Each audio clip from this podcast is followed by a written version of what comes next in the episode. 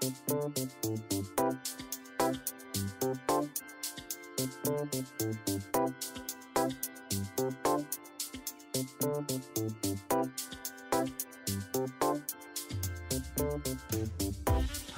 selamat datang pendengar di podcast Dokter Pribadi. Tetap masih bersama saya Haryadi Wijaya. Um, di sesi kali ini saya pengen ngobrol soal satu hal yang mendasar dan penting buat buat kesehatan kita semua mengenai ASI sebenarnya. Nah, mengenai ASI ini banyak sekali apa ya informasi baik itu fakta dan mitos yang berkembang di masyarakat Nah, di sesi kali ini kita ditemani oleh seorang dokter dan ibu tiga orang uh, anak, yaitu dokter Bonita Raharja. Halo dokter, bagaimana kabarnya? Halo. Baik hari ini. Iya, saya ngerasa luar biasa sekali sih diundang ke sini ya ngobrol karena uh, menurut saya ini ASI ini memang benar loh suatu hal yang penting, suatu hal yang mendasar.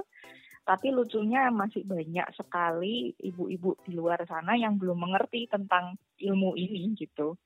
Nah, gini dok, seringnya kan uh, teman-teman kita ini mendengar ibu-ibu terutama kan uh, ketika ngobrol soal ASI itu kebanyakan antara ngobrol dengan sama ibu atau ya dapat informasi ya mungkin googling sendiri kalau zaman sekarang atau dari sosial media.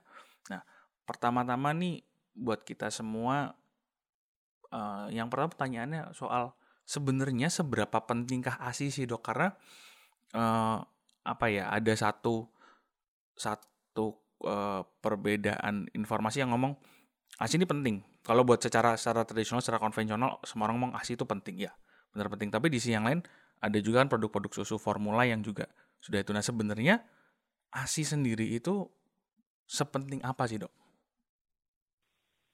Ah, good. Jadi sebenarnya secara sederhana aja dulu deh ya. Mm -hmm. uh, ini saya panggilnya Didi ya. Yeah. Saya mau tanya nih, uh, menurut Didi, kalau untuk semua makhluk mamalia yang kita tahu lah ya, mm. apa contohnya sapi, sapi. terus um, misalnya kambing. kambing. Mereka melahirkan anak-anaknya, kira-kira mereka itu akan menyusunya ke siapa? Ya ke ibunya. Ke ibunya. Betul. Itu juga jawaban yang benar untuk manusia sebagai makhluk salah satu makhluk mamalia. Hmm. Jadi secara sederhananya memang ya kalau anaknya yang harus menyusu ke ibunya gitu kan. Hmm. Nah setelah semakin ke sini ilmu semakin berkembang, kita juga semakin kepo kan, nyari hmm. apa sih sebenarnya yang bikin ASI itu sebegitu penting dan apa yang menyebabkan ASI itu uh, sebegitu cocoknya untuk anaknya. Hmm. Jadi ternyata komposisi ASI itu memiliki banyak sekali kelebihan dibandingkan komposisi susu susu formula atau susu-susu di luaran sana. Jadi ada beberapa uh, banyak banget nih kalau aku cerita komposisinya mungkin bisa selesainya besok di. Cumaan okay. Yang paling penting nih ya beberapa hal yang uh, saya harus katakan bahwa kadang-kadang kita uh, suka bilang kalau susu sapi kan bagus tuh dok, jadi proteinnya banyak hmm. segala macam. Hmm. Padahal protein di susu sapi itu adalah protein yang sangat susah dicerna, apalagi untuk bayi yang baru lahir. Okay. Pasti tahu dong yang namanya intoleransi laktosa yeah. yang bikin mencret tuh, yang yeah. bikin diare. Nah, itu kenapa sih sebenarnya ya karena proteinnya itu susah dicerna.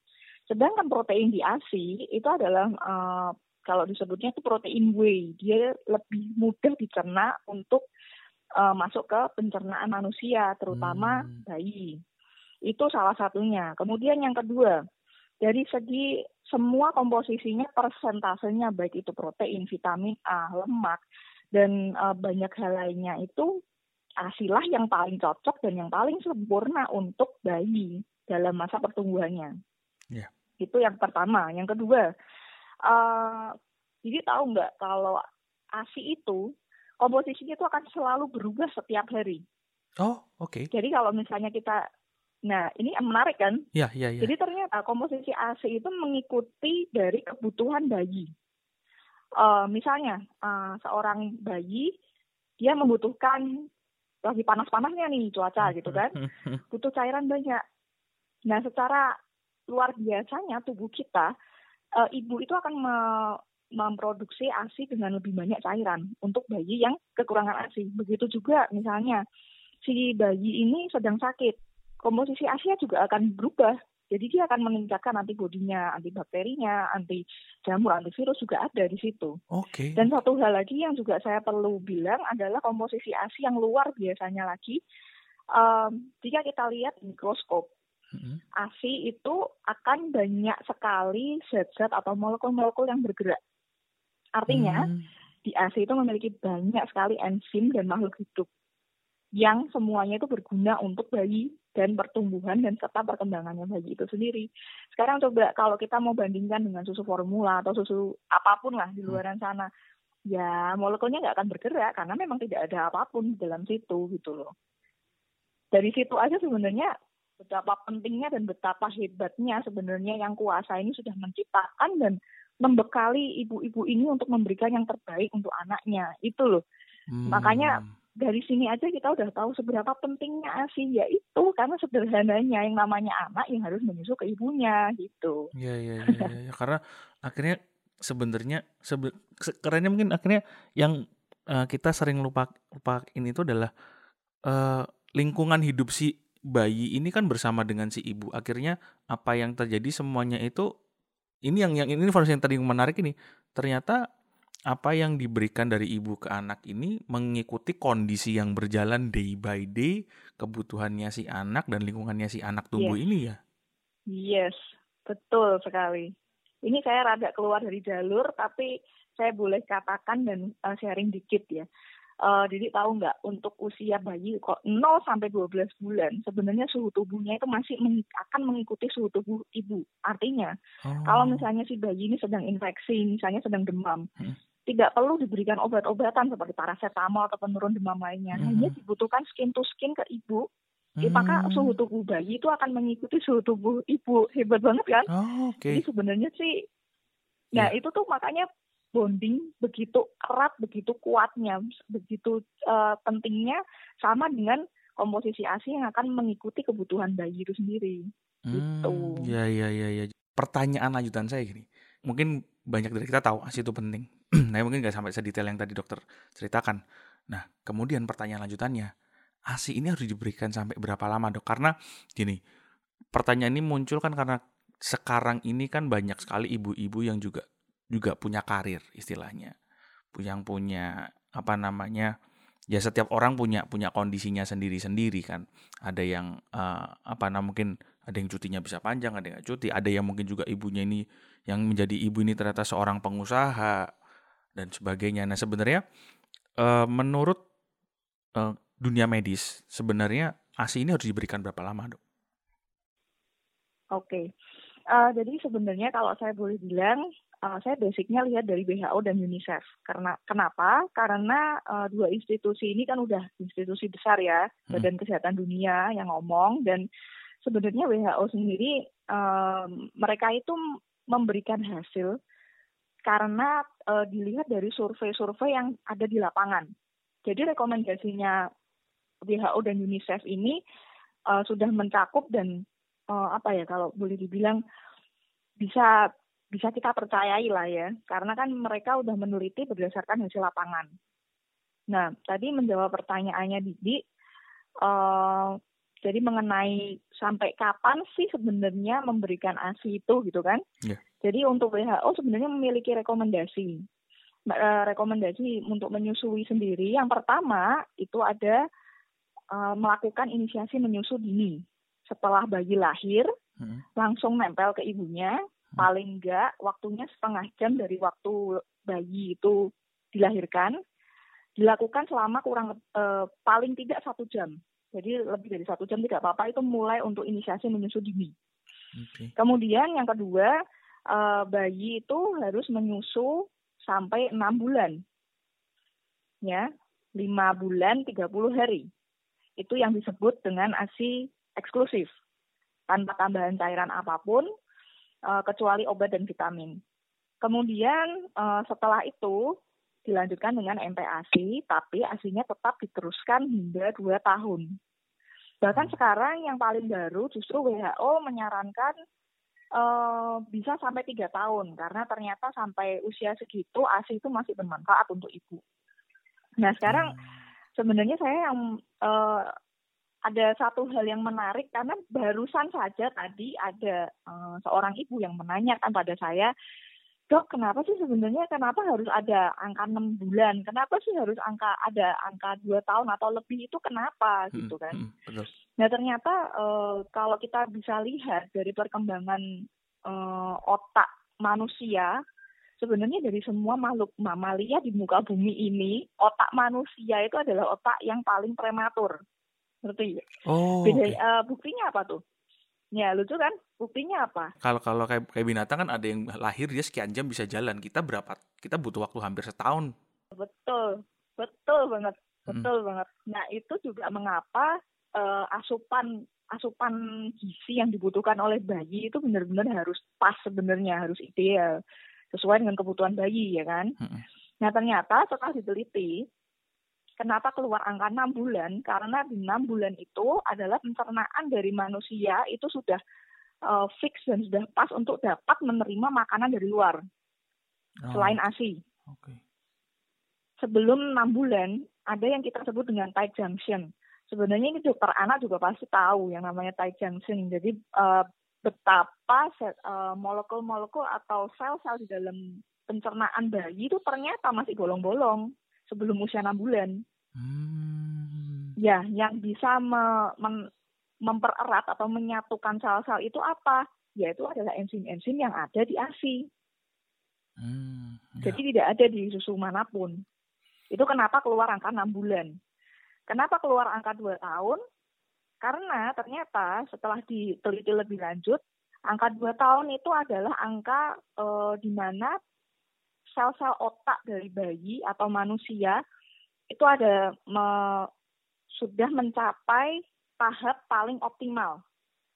Artinya sebelum dua tahun otak manusia itu masih berkembang. Hmm. Dan perkembangan otak itu sangat masih membutuhkan gizi-gizi enzim-enzim dari ASI. Hmm. Ya, ya. Itu makanya bisa keluar angka enam bulan, bisa keluar angka dua tahun, dan sekarang bisa sampai tiga tahun juga masih boleh gitu. Hmm. Itu sebenarnya. Jadi idealnya seperti itu. Cuman sekali lagi saya mau bilang bahwa menyusui itu adalah suatu proses. Begitu juga the parenting ya kan, hmm. nurturing children itu sebenarnya proses. Jadi bukan bukan uh, semata-mata idealnya gimana sih, tapi lebih kepada uh, apa saja yang sebenarnya bisa kita lakukan atau yang bisa kita terapkan di dalam kehidupan kita yang sedang kita hadapi gitu loh. Itu yang uh, mungkin itu salah satu message yang ingin saya sampaikan ke ibu-ibu yang mendengar gitu loh. Iya iya iya. Ya. Uh, Benar sih dokter karena kadang kan ketika ketika banyak sekali informasi kesehatan terutama mengenai menyusui ini yang berbicara soal tadi angka yang eksak soal enam bulan, soal dua tahun, kemudian Betul. soal pentingnya ASI, mm -hmm. itu juga menimbulkan sebuah apa ya? Uh, kadang ada ada kekhawatiran di di ibu-ibu yang, waduh, saya karena kan tadi produktivitasnya belum tentu sama, belum tentu sama. Kemudian eh, kemampuan dari istilahnya kondisi di di lingkungan dan sebagainya mungkin untuk untuk bisa memberikan yang optimal dalam artian ideal secara secara secara yeah. anjuran itu belum belum tentu sama karena karena kemudian yang jadi pertanyaan lagi dokter uh, sebenarnya mm -hmm. produktivitas dan kualitas ASI itu ditentukan oleh apa sih karena mitosnya banyak nih ada yang ngomong uh, kan ada juga ibu-ibu yang mengalami kesulitan pada awalnya ketika ketika harus menyusui di masa-masa awal. Itukah itu apakah juga menandakan kualitasnya kurang baik atau bagaimana? Itu pertanyaan yang salah satu yang paling sering ditanyakan. Kemudian uh, produktivitas apakah dipengaruhi oleh ukuran payudara itu juga banyak banget yang tanya. Karena karena kan misalnya logikanya orangnya gampangnya gini, kalau payudaranya besar berarti produk susunya banyak gitu. Kemudian soal nutrisi juga. Nah, ini sebenarnya produktivitas in, produktivitas ASI dan kualitas ASI itu faktornya apa yang yang pengaruhi, Dokter? Ya, sebenarnya tidak ada yang mempengaruhi kualitas ASI selain mindset ibu itu sendiri. Karena ya itu tadi komposisi ASI itu sudah dipatenkan oleh yang kuasa untuk menghasilkan 100% kebutuhan si bayi. Hmm.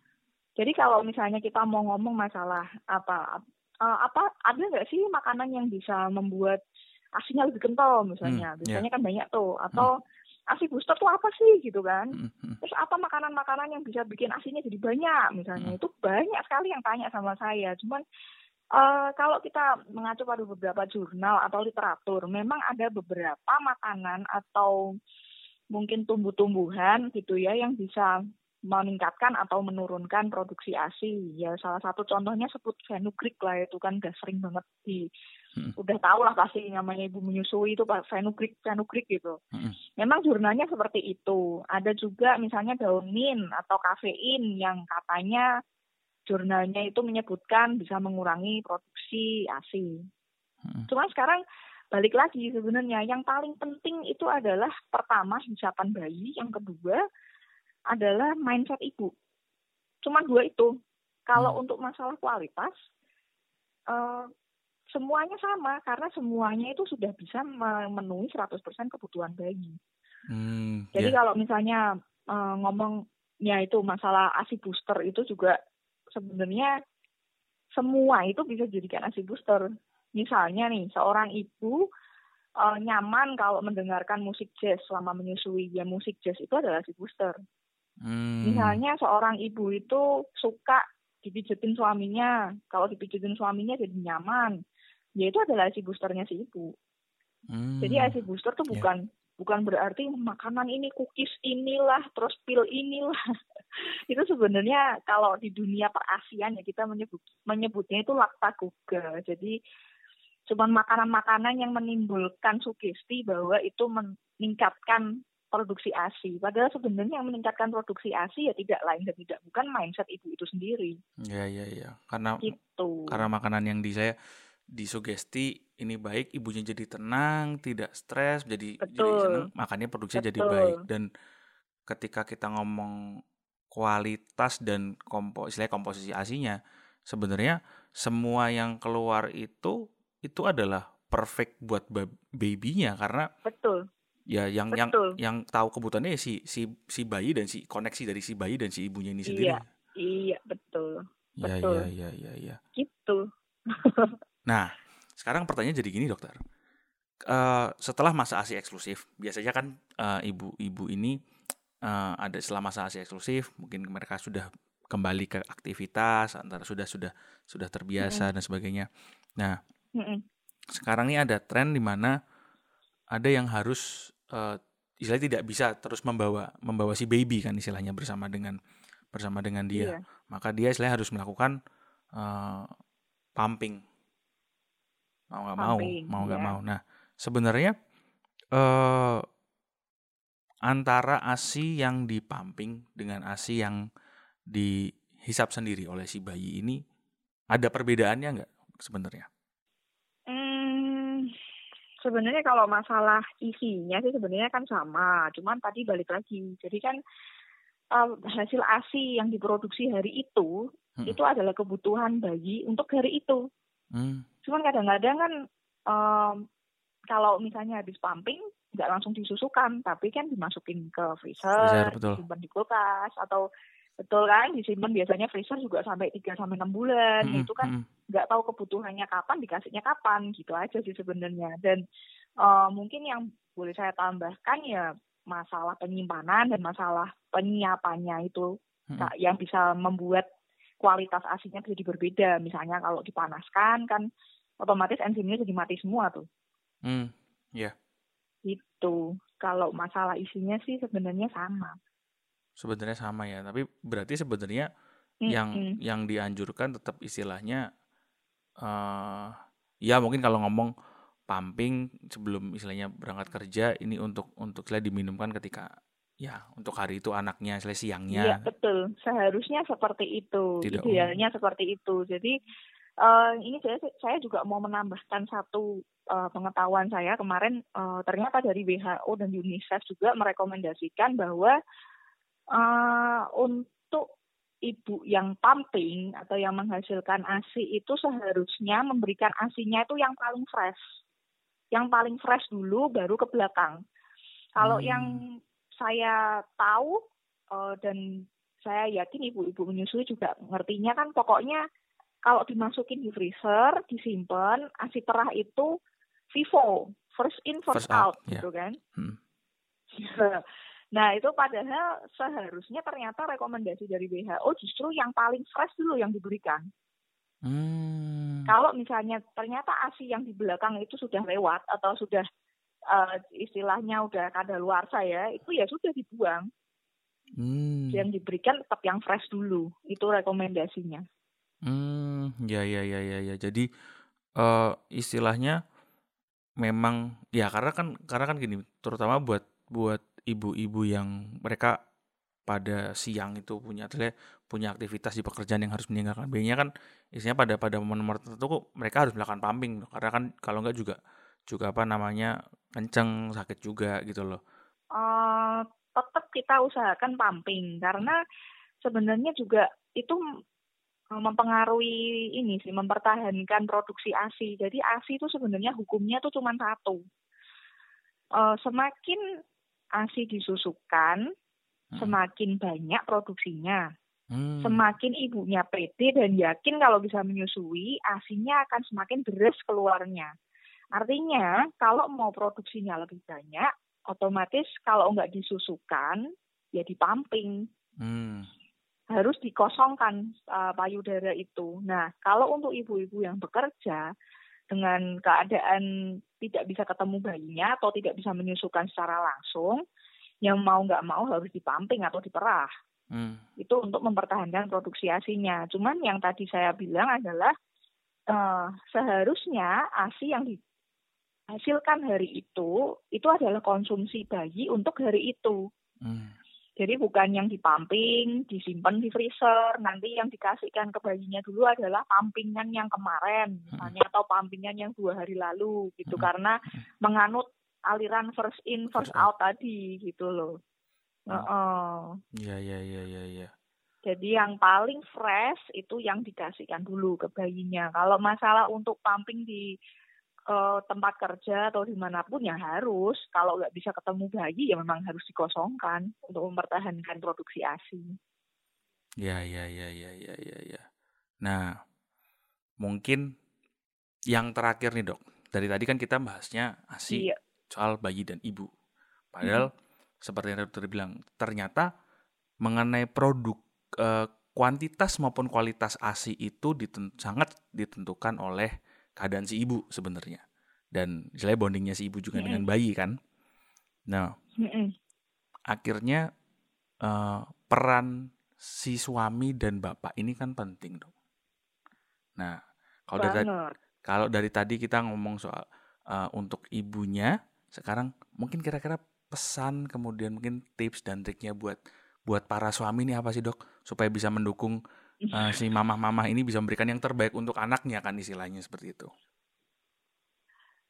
Jadi saya menarik sekali ya karena kebetulan saya sekarang kan sedang um, mau bikin buku ya, mau bikin hmm. buku panduan, hmm. panduan menyusui pertama lah pembuka. Nah itu uh, sebenarnya di buku itu saya juga ada beberapa selipkan. Jadi sebenarnya kalau bayi lahir itu nggak cuma ibu yang pusing, Suaminya pun juga pusing. Oh iya pasti. Iya kan? Iya. Karena uh, udah ngerasain istrinya beda, ini yeah. tiba-tiba keluar makhluk kecil di apa gitu kan? Yeah, yeah, yeah. Saya disuruh ngapain? Yeah. Mau bantu salah, mau nggak bantu makin salah gitu yeah, kan? Yeah. Jadi sebenarnya uh, kalau mau kasih tips and triknya sebenarnya harusnya untuk kedua belah pihak, untuk ibu dan untuk ayah, di mana uh, ibu itu juga harus tahu bahwa suaminya pun tuh sebenarnya juga pusing juga nggak ngerti harus ngapain ya, ya. gitu kan. Hmm.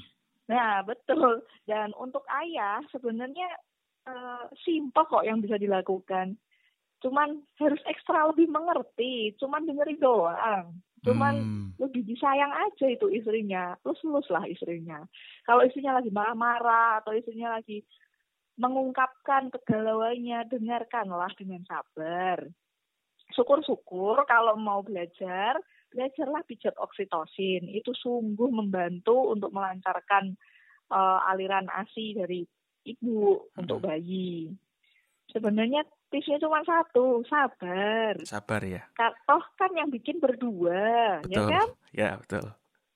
Nah, masa ibunya membelah diri kan nggak mungkin. Benar, benar. Ya jadi mau nggak mau ya se eh, seorang suami harus lebih sabar, apalagi untuk yang baru-baru melahirkan tuh, kadang-kadang suka hmm. stres sendiri tuh ibunya kan. Hmm, hmm. Sekarang kan lagi in tuh baby blue syndrome. Ya, ya.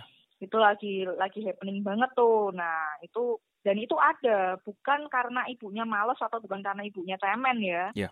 Itu memang ada kasusnya dan itu banyak. Makanya suami-suami diharapkan lebih sabar iya, gitu. Iya, iya, iya, iya, iya. Benar-benar karena memang yang jadi bapak-bapak ini juga kadang bingung, kadang ya kita kan ya ya memang istri hamil, tapi kan istri yang hamil, istri yang merasakan kita ini kan sebenarnya sembilan bulan ya cuma ngertinya oh apa ya mendengarkan, merawat, me, menemani Betul. si ibu yang hamil. Tapi kadang kita sebagai sebagai laki-laki kan saya ini kudu ngapain sebenarnya gitu. Mau turun tangan orang kayaknya secara natural nggak punya kompetensinya gitu akhirnya kan. Ya ya, tapi bener sih akhirnya dengan mendengarkan si si mama-mama ini ini mendengarkan para istri akhirnya kita berbagi lah sebenarnya kan itu ya dok ya. Mm -mm, Nah soalnya itu sih sebenarnya istri juga ya apa sih perempuan itu apa sih kalau enggak hanya ingin dimengerti kan begitu. Nah, iya benar-benar. Ya kan? Kayak lagunya ada band gitu. nah, makanya apalagi uh, si ibu harus menghadapi seorang makhluk yang berbeda, yang baru, nggak ngerti ya sama sekali kan istilahnya. Nggak bisa ngomong. Dan dia juga harus, nah nggak bisa ngomong, nggak bisa ngapa-ngapain, bisa cuma nangis gitu kan. Iya. Uh, ibunya bingung, dia mau minta tolong sama suaminya pun juga nggak tahu aku harus minta tolong dari segi mananya gitu kan nah suaminya pun juga ikut bingung nah karena sama-sama bingung ya sabar makanya itu adalah proses menyusui parenting membesarkan anak itu semua proses yang namanya proses itu semuanya belum tentu menyenangkan Hmm, Tapi yeah. yang penting visinya sama, ingin membahagiakan dan menyehatkan anak-anaknya. Caranya yaitu tadi belajarlah, kasih ilmu, gali ilmu. Salah satunya ya mungkin mendengarkan podcast-podcast yang seperti ini ini ber berguna banget harusnya. Yeah. Datanglah ke konselor menyusui. Sekarang kan banyak banget konselor hmm. menyusui yeah. uh, atau konsultan laktasi yang bisa dipercaya gitu loh. Jadi jangan cuma googling, jangan cuma lihat dari uh, atau tanya si A si B yang banyak mitos. Sekarang tuh banyak banget mitos yang belum dibenarkan. Yeah. Bahkan sampai saya anak kedua pun masih banyak sekali mitos yang masih saya percaya gitu loh. Baru yeah. baru searching dari uh, yang profesional baru kita oh ternyata itu mitos. Oh ternyata nggak kayak gitu gitu loh. Ya ya ya. Benar sih dok. Memang hmm. di podcast dokter pribadi ini sebenarnya uh, kenapa kita selalu mengundang dokter-dokter kita ngobrol dengan dokter-dokter yang sesuai dengan bidang atau pengalamannya. Karena kita pengen apa ya berbagi ke ke pendengar ke teman-teman semua bahwa profesional itu profesional dunia medis terutama dokter itu ada di bidangnya itu karena memang ingin membantu. Jadi jangan takut, jangan merasa apa ya kecil hati ya kalau memang tidak tahu, kalau memang bingung, kalau memang punya masalah ya mending ke profesional daripada cari-cari sendiri, daripada daripada tanya sana sini gitu. Oke. Oke, mungkin kira-kira begitu Dokter Bonita, terima kasih sekali untuk sharingnya. Terima kasih untuk sama-sama infonya, ceritanya. Iya. Kami tunggu bukunya loh dok. Iya nih, aku lagi nanti kalau ini. sudah dirilis. Oke, siap nanti saya kabarin ya. lagi. Oke. Oke. Terima kasih Dokter Bonita. Iya.